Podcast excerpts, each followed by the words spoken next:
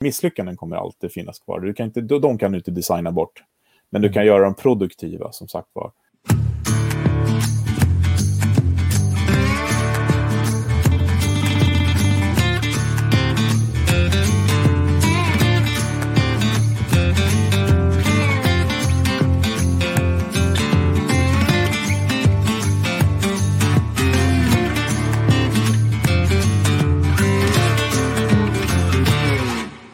Är du klar med klunken?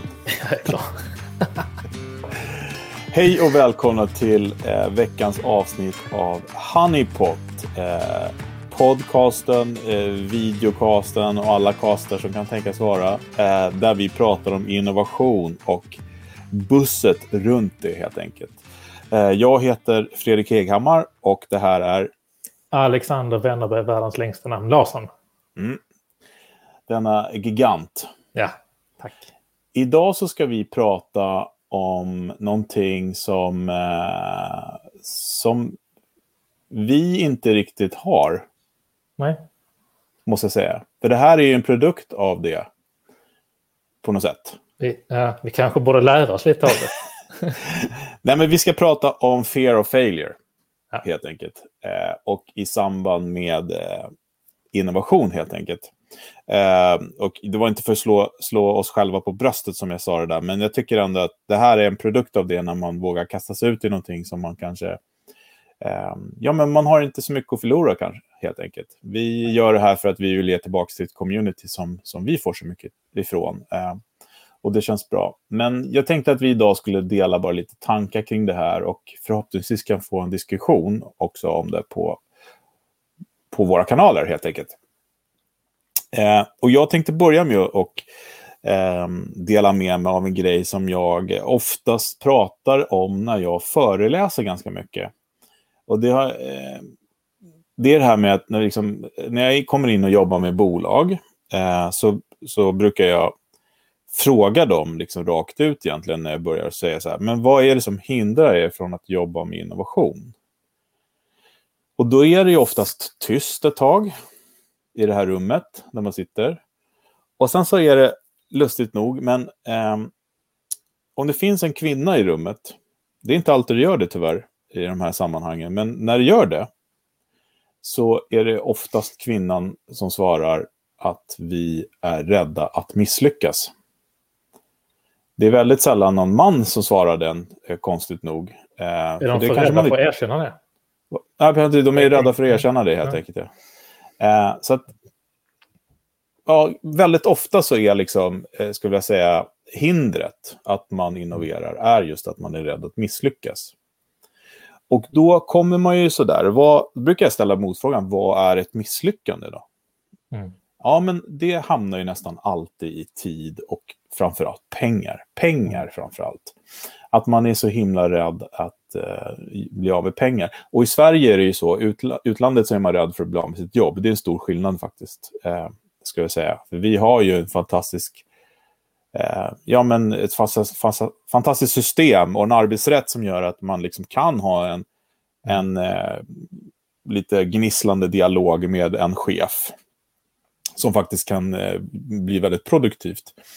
Ehm, och ibland så är det ju också en lag som sätter eh, käppar i hjulen för åt andra hållet när det blir fel kanske då. Att man inte kan bli av med någon heller. Mm. Men i det här fallet så handlar det om att man är väldigt rädd för att misslyckas. Eh, och det är nästan alltid förknippat med pengar.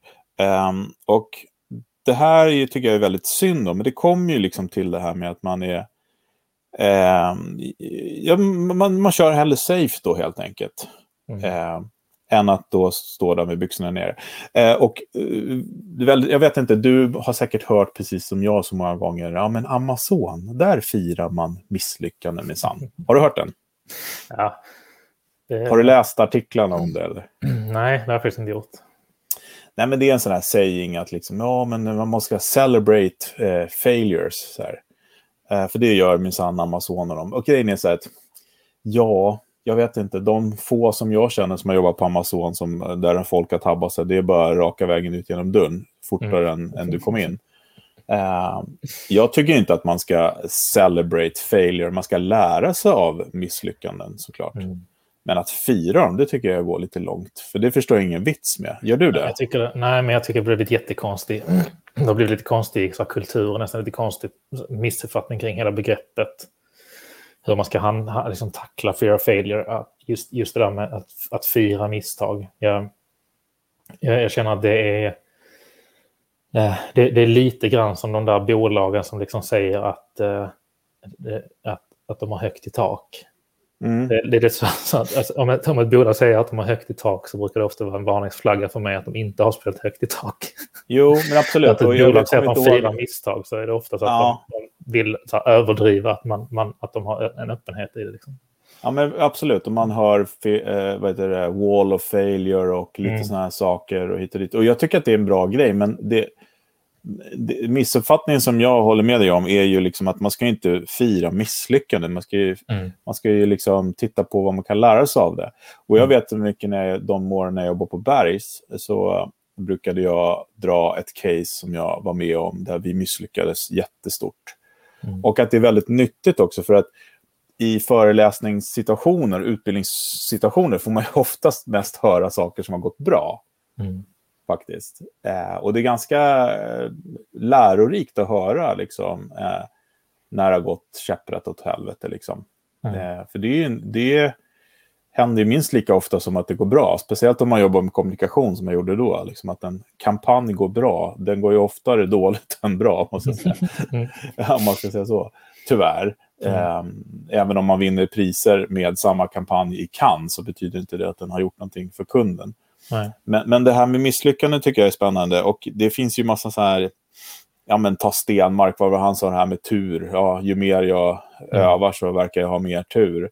Mm. Uh, Wayne Gretzky brukar ju säga att uh, jag ångrar eh, jag ångrar bara de skotten jag inte tog. Liksom. Mm. Uh, och jag tänker mig inom idrott och sånt där så är det ju så att där, där är man ju inte lika rädd eller där är man ju inte rädd för att förlora på samma sätt såklart. Eller klart, spelar man fotboll kanske, men jag tänker så här, man står där varje jävla lördag mm. och i det här loppet och det är bara en som vinner liksom. Jo, men det pratar man också ganska mycket om i idrottspsykologi, vet jag, att, att det finns en, att det är en enorm skillnad på eh, viljan att vinna och rädslan för att förlora. Ja. Alltså det är två så fruktansvärt olika mindset mm. man går in i, i, i en match med. Mm. Eh, eller en tävling, vad det nu kan vara för sport man håller på med. Men mm. Det tycker jag är ganska, ganska talande, liksom just för, att, för, för vad man har för infallsvinkel när man går in i någonting. Oavsett om det är idrott eller ett projekt. Eller, liksom. Jo, nej, men det är klart. Och det, det här med, med misslyckande, då, som, det som jag eh, förespråkar och jobbar med mycket är ju liksom att göra det här okända lite mer känt, då, så att säga. Mm. Så att man kan göra... Eh, det handlar ju om att göra produktiva misstag, helt enkelt. Mm. Um, och då kan man prata om det här fail fast då, som folk har hört så mycket som man kräks nästan. Men, mm. men det ligger någonting i det. Man skulle ju också vilja lägga till fail fast för att succeed fast också, för mm. det går ju hand i hand. Och eh, du och jag, vi tjatar ju också om det här med kvantitet för att hitta kvalitet. Uh, och det är precis det, liksom, mesta av de här kvantitetsgrejerna kommer ju misslyckas med. Alltså just då kanske för timing och hit och dit. Mm. Sånt. Men det gäller ju att man vågar kasta sig ut i det där att gå på, på nitlott. För annars kommer du inte... Köper du ingen lott så kommer du inte vinna något. Och jag tycker det är ganska bra. Det kan vara ganska bra mätvärde vad man nu väljer att eh, mäta eller att följa upp på. Om det är liksom antalet eh, koncept eller prototyper eller validerade liksom, mm. eh, tester som man nu ska mäta, eller projekt eller vad det kan vara för någonting, initiativ. Mm. Så det, det, är ganska bra sak att kunna mäta sig, men hur många, istället för att bara titta på det här med fail fast hela tiden, men så hur många hur många initiativ eller saker har vi stängt ner? Och hur många har vi gått vidare med? För mm. att det är, också en, det är också en win att stänga ner saker i tid. Absolut, eh, absolut. Och det tycker jag, mm. det, det, det, det var bra att du tog upp det. För att det är en sån här grej också som är standard. Så här, ja, men vad, händer, vad gör de flesta bolag när man har ett initiativ som börjar gå dåligt? Eller, mm. alltså, eller som vacklar? Jo, man stoppar dit x antal miljoner till. Mm. och det betyder att det har varit ännu större då förlust mm. i slutet när man är klar. Att liksom, precis, kill your darlings, det är ju, eh, blir massa så här buzzwords här nu, men det, men det är ju någonting som man verkligen måste göra. Att det är precis som du säger, att våga våga stänga eller eh, parkera sig. Förut brukade jag säga att man ska liksom eh, döda, men parkera, det handlar om att parkera för att liksom, det är mycket timing och sånt också. Men sen tror jag att det här med med att våga ta de här riskerna då, att inte vara rädd att misslyckas. Att det finns ju massa olika setups man kan ha för att undvika det. Mm. Eh, och ett, en sån setup som man har fått för sig är ett bra sätt att undvika det på, det är att ha ett separat labb. Mm. Eh, men, tycker du om det? Ja, det tycker jag är jättedåligt. faktiskt. och det är inte bara jag som tycker det, utan det finns tydliga siffror på att det inte riktigt funkar. För det, ja. finns massa rapporter man kan ta del av, eh, mm. man kan googla reda på. Mm. Eh, för att, men, men rent strukturmässigt så förstår jag det. Okej, okay, vi sätter upp en separat grej, vi ger, ger en separat budget. Eh, vi eh, vi låter folk bypassa alla regler vi har hit och dit i minska. Och går det så fel så blir det på avrundningskontot. Mm. Um, det finns ju en, en tjusning i det. Men, och jag säger egentligen anledningen till att jag tycker att det är fel och inte funkar. det är för att man gör det för att man tror att det ska leda till en förändring i företaget. Mm. Och det gör det inte, kan jag säga. Men däremot om man gör det medvetet för att hitta på nya alltså en ny affär eller som inte då ska förändra de andra. För det som händer om man har ett företag på, med, med 200 anställda och eh, 10 med ett labb, det är att 190 står och tittar på när 10 jobbar som man borde göra. Mm. Eh, och, och sen när de lyckas, om de lyckas, då blir det ett nytt bolag som säger hej då. liksom. ja, Eh, så, men, så att sätta upp ett labb då för att minimera risken och tro att det ska spilla över och förändra verksamheten som man har, det kommer den inte göra. Så det är en ganska dålig grej tycker jag. Mm. Och det, det tycker jag bygger tillbaka ganska bra till. Alltså, det finns en lite så här kuriosa som ni säkert har hört, liksom, många av er som lyssnar och du också eh, Fredrik. Men just det här med, alltså om man tittar på de gamla eh, eller bolagen liksom långt tillbaka. Det finns ju det här storbolagsindexet, eh, eh S&P 500 i USA, mm. eh, som är de, de, det är de 500 största bolagen. Eh, och där var ju, jag kollade faktiskt, kikade om det eh, häromdagen, för jag snackade med, med ett företag om det, just de här, hur, hur trenden liksom på vad ska man säga, livslängden på de bolagen har varit. Mm. Och då, då kikade vi på det, att det fanns ju siffror på att ja, 1968 så var eh, livslängden eh, i snitt 61 år på ett bolag mm. där. I 2016 så är snittlängden, är livslängden på ett bolag 18 år. Mm. Och, och tittar man på de bolagen i sin tur så räknar man med att 2030 så kommer eh, liksom 75 procent av de bolagen vara borta från listan. Mm. Alltså så, och det, det, det, är lite grann det som jag vill knyta tillbaka till just det där med att, att om det kanske verkar ur ett teoretiskt perspektiv så kanske det verkar vara bra med det här med ett labb.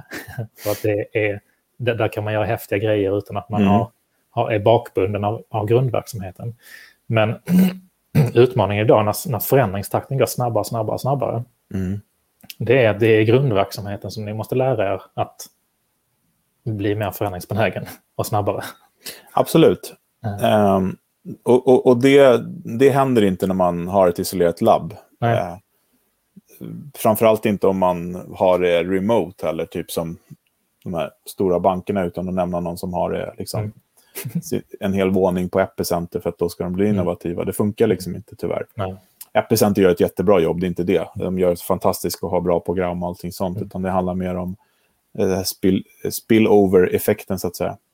Mm. Eh, nej, men det är en setup som är svår. Å andra sidan, liksom, sätter man upp tydliga regler vad den ska göra så är det väl en annan sak. Men, men eh, både vi, vi, vi två tror ju verkligen på det här med involvera alla och decentralisera såklart innovation mm. där så alla kan bidra. Eh, då kan man ju använda Hives till exempel för att göra det. Men eh, jag, jag, det har jag nämnt förut, jag var ju på Google i, i New York ett tag. Eh, och precis när jag slutade så var det, det Alphabet. Mm. Och det är ju, var ju en produkt lite grann, eh, jag skulle vilja säga att Fear of Failure var lite grann involverat i det där. Eh, och där kom det ju från, eh, ja, jag killgissar lite och gör så här inom det. För att lite insikt hade man eftersom man var där då. Men, men vad vill säga så här, aktieägarna undrar varför köper ni eh, robothundar och, och eh, skickar liksom rymdsonder när ni ska hålla på med sök, för det är det enda som ni tjänar pengar på. Mm. Eh, utan man var ju väldigt rädd då att Google ja, skulle misslyckas med alla andra projekt och skulle dra ner då själva kärnverksamheten helt enkelt. Mm. Och då startade man ju eh, den här, eller gjorde man den här setupen med Alphabet då, som äger sök då bland annat. Och sen så gjorde man då de här, till exempel den, den eh, jag var ju på Creative Lab, det var ju liksom som ett bolag då som helt plötsligt behöver visa vinst och, och, och sådana saker. Så att det blev liksom på riktigt istället för att man bara blöder hit och dit. Och sen så självklart så satte man av budgetar för att investera och ta risker och sånt. För de, de hade ju väldigt mycket kapital till det och det är ju det som är framgången också, att de hela tiden pushas och startar nya grejer. Men också att det fanns någon form av måttstock som, nej det här funkar inte. Det, du sätter vi ett kryss över det bolaget och det påverkar inte jättemycket moderverksamheten. Då. Nej. Så, så det är ett sätt så att det finns strukturella setup som absolut kan minska eh, risken för misslyckanden. Mm. Eller göra lyckan, eh, misslyckanden produktiva. För misslyckanden kommer alltid finnas kvar. Du kan inte, de kan du inte designa bort. Men du kan göra dem produktiva, som sagt var. Och att de, eller snabba också, att de är snabbt. Men, Men en annan grej ja. som jag tänker, du som är Eh, förlåt, skulle du säga någonting där? Nej, men i deras, jag ska bara säga snabbt, i Ja. deras fall så är väl Alphabet är väl då liksom moderbolaget, eller hur? Va? Ja, så precis. blir det väl liksom då att alla förgreningar då blir egna bolag under det. Ja, Sök är då ett dotterbolag Ja, egentligen. ja, Eller ja. hela Google. Google eh, som, som, det som vi använder är ett dotterbolag helt enkelt. Sen har de X och de har det och de har det och det. Mm. Glasses och ja, men alla möjliga sådana. Mm. Eh, jo, men jag skulle säga det här, du som också då kör en startup, kan man Mm. väl säga. Mm. Eh, när, när, när, när blir en startup ett bolag bara? Eh, ja, men man brukar väl, det finns ju sådana fina begrepp idag, att man brukar skilja mellan om det är en startup eller om det är en scale-up eller om det är, liksom, Ja. eller om det är ett etablerat eh, bolag. Och det är väl egentligen att man brukar väl säga att man är en startup fram tills att man har, ja du, var går den gränsen? För egentligen, man kan väl säga så här, mentalt är man en startup fram tills man har hittat receptet för att egentligen bara trycka på gasen. Då, då Jo, blir man absolut. Men man ja, säga. ja. Och sen så när man omsätter tillräckligt mycket, vet jag inte, så kanske man blir ett... Ja, jag vet i alla fall när jag startade House of Sparks att vi sa att vi Mm. var ingen startup, vi var ett företag. Ja, ja men exakt. Det är väl eh, det, det, är, det är verkligen ett modebegrepp. Man är Ja. ett företag oavsett om man är en startup eller om man eh, är Volvo. Liksom. Ja, man skulle nästan kunna säga att man kanske är en startup när man växer med annan, andras kapital. Kanske. Eh, ja, eller man är i alla fall en riskkapitalfinansierad Ja, startup. strunt samma. Men det jag skulle komma till, det är att Det finns ju bootstrappade startups också. Ja, men i startups natur så ligger ju eh, risken att misslyckas med Ja, latent, skulle Ja. man kunna säga. Det var Ja. dit jag ville komma. Yes. Det gör det ju för alla företag såklart, men i startup-världen världen så är det kanske att man räknar med det på ett annat sätt Mm. än ett vanligt bolag. Liksom. Mm. Känns det som i alla fall. Jag menar, startar jag en frisersalong så, så går jag inte in med det med att det är en jättestor risk att jag misslyckas, även fast det är såklart lika stor risk där. Mm. Men det känns som att i startup-världen så är det liksom så här, den är med i beräkningen. Liksom, om man jobbar mot den, Ja. om man testar nya saker hela tiden för att inte misslyckas, Mm. så att säga. Eh, men då är det ju det här som jag tycker är lite intressant, för att jag förespråkar snabbhet och att det ska gå Mm. fort och man ska testa nytt och du ska parkera och du ska gå vidare hit och dit. Medan man har ju sett historiskt och receptet för att lyckas också är ju att vara ihärdig. Mm. Hur hittar man den balansen? Alltså, Förstår du vad jag är ute efter? Ja, ja, ja, ja verkligen. Alltså det, är, det, finns, eh, det finns två eh, ord på engelska som jag återkommer till ofta när det kommer till just de begreppen. Det är eh, patience och persistence. Mm. Eh, vilket egentligen kan, det bäst kanske det kan översättas med tålamod och uthållighet. Precis. Vilket, Eh. vilket känns som nästan motsatsen ibland till den världen. Ja, exakt. Och det, det får man inte glömma. Det, det är väl, om, om jag kan skicka med folk någonting från en Mm. ett, eh, att, att starta och driva bolag så är det att, eh, att 99 procent handlar om uthållighet. Mm. Precis, fast vi sa också för fem minuter sedan att mm och skrockade lite och mm. hånfullt och sa att ja, men bolag, vad gör de? Ja, de petar in två miljoner till mm. när det börjar barka utåt. Och det är väl att vara i... Alltså, så att, ja, jag är ja, lite djävulens advokat här. Ja, men jag förstår. Och jag, nu, nu, nu vränger jag verkligen orden. Mm. Eh, men där tycker jag också att eh, uthållighet och ihärdighet är, är, är för mig två olika saker där också. Mm. Alltså i att uthållighet handlar om att fortsätta tro på grundriktningen. Mm. Däremot ihärdigheten, det är att inte klara av att släppa någonting i tid. Mm. Eh, skulle jag vilja säga. Och jag skulle säga att, att för att komma tillbaka till lite grann din, din tanke och din fråga, där, att balansen däremellan, för så vill jag bara säga att den är skitsvår. Ja. men, men det som, så som jag tänker på det väldigt mycket och som vi pratar om det väldigt mycket i teamet, mm. det är att vi, vi varken vill, kan eller har möjlighet att göra de här liksom så förstudierna på ett år. Mm. För att ta reda på om vi ska göra någonting eller inte. Mm. Utan där måste vi approacha någonting från precis helt andra hållet. Att vi måste ta reda på om det här funkar genom att försöka testa det snabbt. Absolut. Istället för att ta reda på all bakgrundsinformation mm. innan vi börjar testa det. Mm. Eh, och, och, så måste vi gå den, eh, den vägen. Men det, alltså det, det är absolut liksom att ut, en jättestor del av uthållighet det är att fortsätta, eh, säga, fortsätta tro på att göra de sakerna. Mm. Även de veckorna där eh, alla testerna var failures.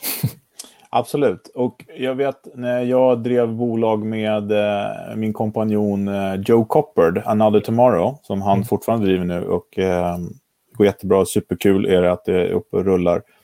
Um, vi skrev en artikel som uh, på svenska löd konsten att byta vingar medan du flyger genom ett, ett, ett eh, åskoväder. Så är det ju egentligen att starta ett bolag. Uh, där då det här uthålligheten är att hålla sig flygande, så att säga. Men mm. du vet att du måste byta de där jäkla vingarna. Uh, ganska ofta också, för att mm. kunna gira och ta sig framåt, helt enkelt. Mm. Och, och, då kan det vara bra att ha eh, systematisera hur man misslyckas. Mm. Och där är ju då det här som vi pratade om tidigare också, design thinking är ett ypperligt sätt att göra det på såklart. Att få de här olika perspektiven snabbt, att få testa snabbt, ha med målgruppen och, och inte då sitta på kammaren och jobba i sin ensamhet med teamet dygnet runt och sen lansera någonting för att då få reda på att nej, det är ingen som vill ha det här. Eh, det är klart att då kan man då återkalla den här eh, uthålligheten som du säger, gå tillbaka och göra om. Men det är ett väldigt dyrt sätt att jobba på. Ja, men nu, nu, nu trycker du på en, på en sak som är för mig superessensen mm. av vad eh, fail fast egentligen handlar om. Mm. Och det är att se till, det handlar inte om att nå misslyckanden så snabbt som möjligt hela tiden, utan det handlar mm. om att hitta ett förhållningssätt, en process, en metod, någonting att luta sig mot mm. som gör att man eh, förstår att det här är ett failure efter, liksom, ja, men lite som du säger, efter sex veckor istället för efter sex år, eller hur mm. man brukar jämföra med. Uh, Alltså att man, man, man hittar ett sätt att liksom att, att, att uh, uh, jo, man helt enkelt kvalificera det här till att det här, det här kommer inte bli en succé i slutändan. Liksom. Mm. Kan vi se redan nu. Uh, men, men det gör ju också att där, då måste man ha en då måste du ha en process där du vet om att du har gjort uh, uh, rätt, rätt saker också. I, i, i, lite i rätt ordning. För att Mm. Om du bara attackerar det så kommer allting se ut som ett misslyckande tidigt. För att de flesta saker tar ja, men så tid, är det. Det är lätt att tid innan man ja. ser resultat. För, mm, liksom. så är det. Men en annan grej också som jag brukar prata ganska ofta om med folk, det är, eftersom jag har haft då förmånen att jobba i ett annat land som USA, där eh, brukar jag starta med att man säger ja i Sverige så skriver man inte så mycket NDAs, och, vilket jag mm. tycker är bra, alltså non-disclosure agreements, då, som att man inte ska kunna stjäla någons idé och så här. Medan i USA skriver man dem hela tiden och brukar säga ja det är för att det är mer, man har ju mer på spel där så att säga. Man kan hamna på gatan hit och dit. Och det kan man ju inte, eh, eller kan kan man ju göra i Sverige också uppenbart hur det ser ut idag. Men, men att vi har ju ett skyddsnät som gör att vi egentligen kan ta mer risker. Mm. Håller du med om det? Mm, definitivt. Ja, fast eh, djävulens advokat igen nu, som jag sagt två gånger redan, är ju också att vi, eller motsatsen till det också är kanske att vi att vi har det lite för bekvämt så vi kanske inte går den här mm. extra milen som vi skulle ha gjort om vi visste att vi hamnar på gatan om vi inte gör det. Förstår du vad jag menar? Jag förstår, alltså definitivt. För, och det finns en sån himla balans där liksom i att uh, i när stress är sund och när stress är, är osund. Mm. stress i sig är, ganska, är också, också ganska viktig liksom, mm. för, för att saker och ting ska hända. Eh, kan jag känna. Eh, samtidigt så finns en, så självklart en gräns där det liksom är så här om eh, att, att man, man, att man blir liksom onykter i huvudet. Mm. Ja, men jag så. tänker också på, jag tänker kanske inte i första hand på stress, även om det är oftast mm. relaterat till det i slutändan, att man är, ska fatta beslut eller sådana saker. Um, men det är till exempel en sån här grej med uh, som är extremt vanligt i startupvärlden. Och jag vet att ni har gjort också när man tar mm. in investorer. Mm, mm. Eh, så brukar jag säga så här, men hur mycket behöver det? Ja, initialt så kanske en, en, en startup inte behöver jättemycket kapital för att komma igång och sådär. Då brukar jag säga så här, men ta ett banklån istället. Jag menar, det tar ju bort en jättestress såklart, mm. egentligen. Fast mm. Mm. Eh, för att ja, de som inte vet det, och det kanske kommer som en hemlighet nu, men mm. eh, tar man in pengar från någon så betyder det också att man ska ge tillbaka dem mm. och gärna, ha, gärna göra de pengarna till mer pengar. Eh, så man har ju vissa skyldigheter. Det är aldrig någon som bara ger en slantar, så att säga. Nej, det är inte välgörenhet. Eh, nej, precis. Och ibland kan jag tänka mig eh, att ett banklån kan vara mindre stressigt. Jag har inte gjort det själv, så att jag... Eh, men det är bara en tanke. Att, liksom. jag, jag skulle säga faktiskt eh, både och. Och nu vill jag, mm. jag vill inte bara så här vara hård mot Eh, bankerna här. Men har man hittat rätt investerare Ja, ja, absolut. Så, eh, så är det personer som vet om att vissa, eh, eh vissa kollapsar och vissa blir vinnare. Mm. och det är en del av liksom, eh, gamet liksom, på något sätt. Medan nu, nu, nu kanske jag menar om det här... På, eh, absolut, jag, tänker, ja, precis. jag tänker nog mer på det här, man behöver 3 till 500 000 för att komma igång. Liksom. Mm.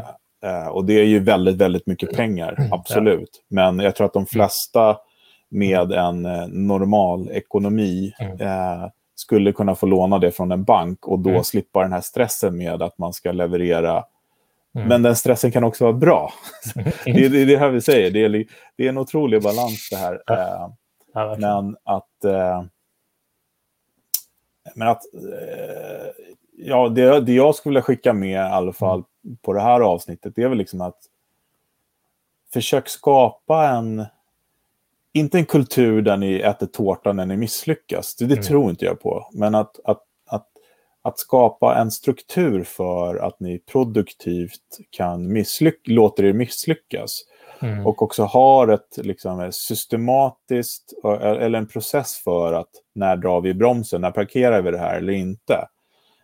Um, uh, och den, den bromsen kan man ju faktiskt ibland behöva dra i när en grej går bra också för att någonting ska gå ännu bättre. Mm. Uh, så eh, det är väl liksom kanske mitt...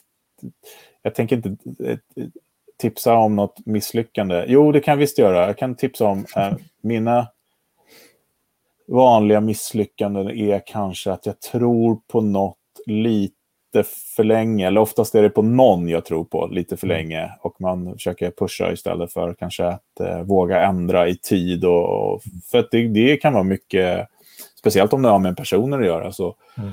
kan ju, mm, ja, man har ju ansvar över personer och sådär. Så mm.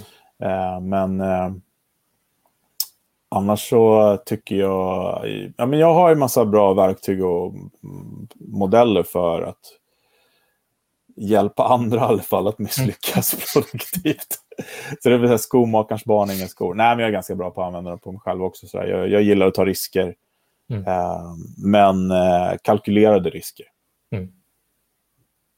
Okay. Hur är det med dig? Eh, men jag är ganska, jag är nog ganska riskbenägen också, får man väl säga. Mm. jag, jag, eh, jag har väl liksom flera gånger hoppat ut lite grann det där med som du sa att, att nu köra genom åskmolnet och byta vingar samtidigt. Mm.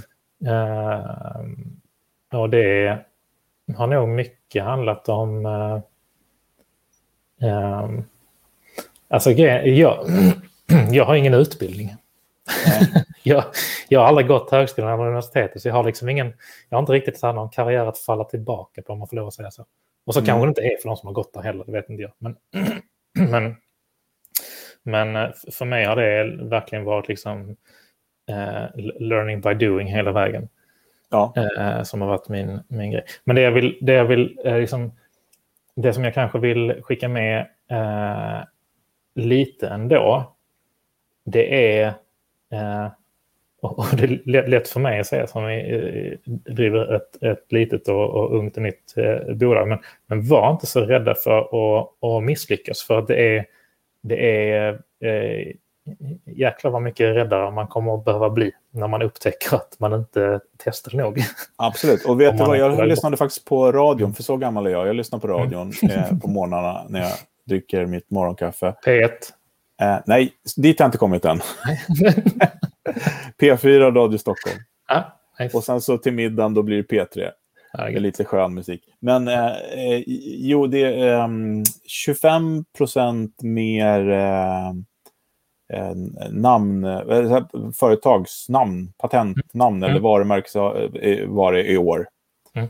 Det, det, är högre än någonsin. Så det betyder att många startar bolag nu, vilket är mm. superkul faktiskt. Kriser, kriser föder mycket nytt. Ja, men du, jag tänkte på det där också med att inte ha någon eh, karriärsutbildning. Mm. Det gör ju också att du har ju aldrig en, någon måttstock att misslyckas mot. Nej, exakt. Det är ingen som kan säga att du blev det... ju aldrig civilingenjör eller du blev det... aldrig ekonom. Det är fruktansvärt tacksamt. Du kan bara lyckas tiden. Det kan bara mig, bli bättre. För mig kan det bara bli bättre än vad mitt utgångsläge var. Ja, precis. Jag, jag, delar ju den bakgrunden också. Jag har inte heller ja. läst universitet. Så nu tappar vi alla lyssnare vi har här. Men... Ja, exakt. De kan ingenting om akademi. De kan ingenting. Jag ska lyssna på dem nu. Ja. Nej, men jag tycker så här att um, jag tänker att vi nöjer oss lite grann här. För mm. att vi har ett kommande avsnitt där vi ska prata lite mer om saker man kan göra för att undvika då de här mm. misslyckandena lite mera. Men tipset då som, eh, jag repeterar lite vad jag sa, försök mm. skapa en, liksom en, en process. Egentligen är det väl lite grann som alla säger att man ska göra med aktier. Liksom. Mm. Man, ska, man ska göra en strategi för, jag säljer när det har gått upp 25 procent, liksom, mm. vare sig de går upp mer eller inte, för att mm. det är en strategi. Um, och um, så det är väl det. Så jag har en strategi för när ni drar i handbromsen och inte. Och när ni drar i handbromsen så handlar det om att parkera saker, inte kasta det. För det är timing också väldigt mycket. Mm. Och i världen hit Jag tänkte alla som hade fantastiska grejer som skulle lanseras nu 2020 och så kom den här skiten. Liksom. Um, det går säkert bra att lansera det 2021 också. Så håll ut. Ja, men definitivt. Var inte, var liksom inte för hårda för, mot misslyckandena. Utan Nej. gå och testa igen. Och som jag brukar säga till de som startar, vill starta bolag och testa sina vingar. Vad är det värsta som kan hända? Att ni får skaffa ett jobb. Mm. Exakt. Ja. Så var inte rädda för att misslyckas och lär er av misslyckanden. Men fira dem inte, det låter dumt. Nej, ja. det får bli slutorden. Lär er av misstagen, men fira dem banne mig inte. Nej, då kan man vaska, vaska champagnen istället. Exakt. Ja. Men du, eh, på återseende så ja. hörs vi. Tack för idag. Ha det gott.